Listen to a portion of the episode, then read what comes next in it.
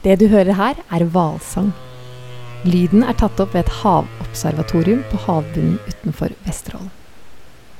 Fra dypet har forsker Geir Pedersen ved Havforskningsinstituttet også plukket opp spermhval som klikker,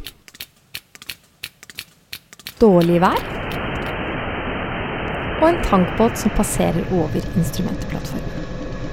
Dette er Tekfisk, podkasten om teknologi og forskning i sjømatnæringa. Jeg heter Kjersti Kvile, og nå skal Geir Pedersen fortelle om toktet han nettopp er kommet hjem fra for å plassere utstyr langt nede i havdypet.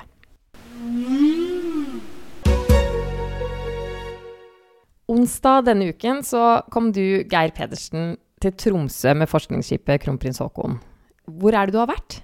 Ja, det stemmer det. Vi har uh, vært utenfor Vesterålen, hvor vi har installert nye noder på det som er eh, havobservatoriet i Lofoten Vesterålen. Og vi har tatt opp noen noder som skal tilbake for service.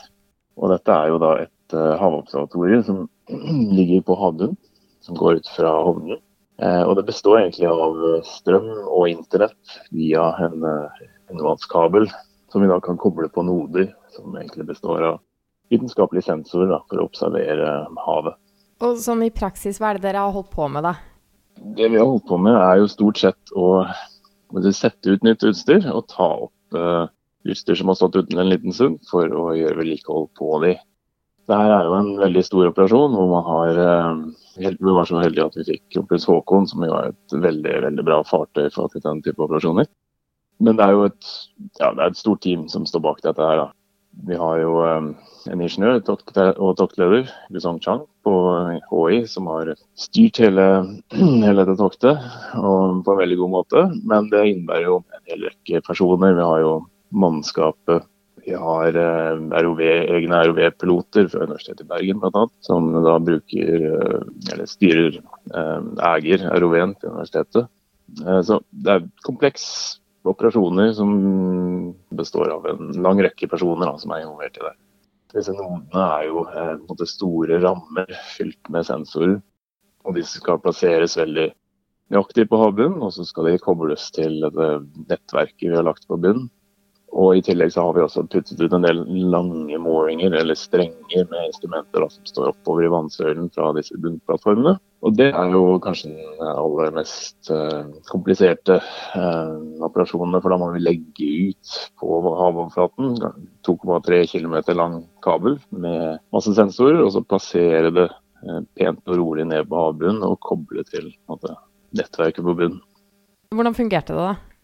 Ja, det fungerte veldig godt. Altså det Fartøyet, Campus Håkon og mannskapet der, og Eiger-mannskapet, eh, er jo kjempeflinke. Og vi er veldig heldige at vi har en, måte, en type infrastruktur da, for, å, for, å, gjøre disse operasjonene. Og alle operasjonene gikk, eh, gikk, bra. Det var ikke alt utstyret som fungerte da det ble satt ut, men det meste gjorde det. Eh, men alle måte, operasjonene gikk, gikk, veldig fritt. Og det var litt sånn lettelse, for vi var litt på forhånd kanskje litt sånn bekymret, for at en del av det er ganske komplisert. Men det viste seg jo at uh, vi har fartøy og vi har Kronprins Haakon og, og eierteamet som kan gjøre dette på en god måte. Så det er viktig resultat i seg selv da, at vi klarer nå å gjøre alt eh, på dette observatoriet selv ved hjelp av egne båter. Ja, for dette har dere jo, dere har jo lagt ut utstyr nå i flere omganger. Hvordan var denne operasjonen sammenlignet med det dere har gjort tidligere? Nei, denne her var, eh, det var en veldig god opplevelse. Det var det. For det er, alle operasjonene fungerte veldig, veldig godt. Eh, men det er klart, det her har gått litt sånn i faser, som du sier. Eh, så det er egentlig, nå er vi jo inne i det å putte ut nye noder, eller sånne instrumentplattformer. Men da i 2018 så la vi jo eh, denne måte, basisinfrastrukturen, da, som består av en litt sånn tjukk kabel som har eh, høyspenning og fiber gjennom seg.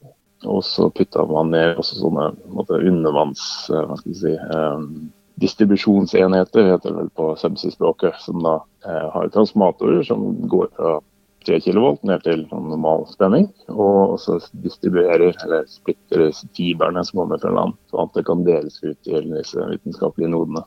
Det er på en måte er litt sånn stor subsea-operasjon hvor man hadde sånn kabelleggingsfartøy og ting som det der. Eh, men i årene etter, altså 19 og i år, så er det, så er det litt lettere operasjoner da, hvor man eh, kan bruke f.eks. havforskningsbåter. Da. Men i fjor så brukte vi jo da litt sånn offshore, offshore fartøyer. Eh, men det gikk eh, jeg vil si at det gikk eh, vel så bra eller bedre i år med, med våre egne fartøy. Fordi de har en del har mye mer erfaring kanskje i å sette ut akkurat denne type utstyr. Og så har man en del utstyr om bord på båten nå som, som måtte gjøre det litt mer velegnet til, til å få ut disse tingene. Og dette havobservatoriet, du var inne på det, men hva, hva er det egentlig for noe? Det er jo et ganske stort prosjekt. Det er egentlig et nasjonalt forskningsinfrastrukturprosjekt. Um, så det er jo da hovedsakelig betalt av Forskningsrådet. Men også Equinor har jo vært inne og betalt en del av dette. Og, partnerne i prosjektet, forskningspartnerne, er jo inne med en del egeninnsats. Så det er jo ledet av Havforskningsinstituttet og uh, Espen Johnsen. Så har vi en rekke partnere. da, Nansensenteret, FFI, Universitetet i Tromsø, Bergen, Norse, Sintef, Equinor og Norges Fiskarlag. Og Det er jo en, en infrastruktur da, som skal samle inn data eller observasjoner eh, fra havområdet utenfor Vesterålen. Eh, og Det som er litt sånn unikt, er jo på en måte vi får det inn nesten med en gang det gjøres observasjonene. Det går da via dette kabelnettverket på havbunnen rett inn i en eh, landstasjon på Hovden, og så sendes det rett til Havforskningsinstituttet. Og vi da deler ut med verden eh, via en, egne dataportaler. Da. Så måte, forskere både i Norge og hele verden kan jo da gå inn og få disse dataene i samtid, eller gå tilbake og laste ned historiske data. Og så Etter hvert så vil jo også da de som måtte være interessert, kunne gå inn her og se på samtidsinformasjon eller observasjoner da, fra havbunnen utenfor Vesterålen. Gi litt sånn eksempler på hvilke data man får ut da. Ja, Det er egentlig det meste, for vi har eh, putta på det som er av, av eh, sensor og måleinstrumenter på disse plattformene. Eh, så det er jo typisk sånn standard oseanografi. Salt, temperatur, strøm osv. Men så er det også, har vi kameraer på de fleste som tar bilder av havbunnen. Eh, spesielt Node 1 er jo ganske interessant, for der står jo to kamerasystemer eh, i dette kaldtvannskorallrevet, som er ganske stort, og spesielt da i akkurat dette området. Så har vi også eh, ekkolodd, som gir oss informasjon om, eh, om, det som er i vannsøylen av type fisk og dyreplankton. Og med det så kan vi jo f.eks. da overvåke um, vandringen av sild fra nord ned til uh, gytefeltene. Eller vi kan uh, overvåke skreivandringen til uh, gytefeltene på innsiden av Lofoten. Og også da måte, larvedriften tilbake til oppvekstområdene i Barentshavet. Det siste som kanskje er sånn, mest interessant for folk flest, er jo da hydrofonene, eller undervannsmikrofonene. Og De bruker vi jo eh, egentlig også til flere ting. Det ene er jo at vi kan overvåke menneskeskapt støy under vann. Og dette er jo eh, et eh, det er jo, det er jo forurensning som alt annet, kan man si. Og det er viktig at vi overvåker dette og prøver å forstå det bedre. Og også overvåke hvorvidt dette øker eller avtar. Nå er det sånn dyr under vann, både fisk og hval, er jo veldig avhengig av lyd for å kunne kunne overleve, rett og slett. Det er jo hovedsansen til eh, dyr under vann, gjerne. Den andre tingen vi bruker den til, er da å detektere, eller detektere og overvåke marine pattedyr, eller hval. Med disse hydrofonene så kan vi, kan vi um, observere når de er i området, og delvis også hva de gjør, og etter hvert kanskje bilder de. Men alt dette utstyret det befinner seg under vann. Hvordan holder det seg i salt vann?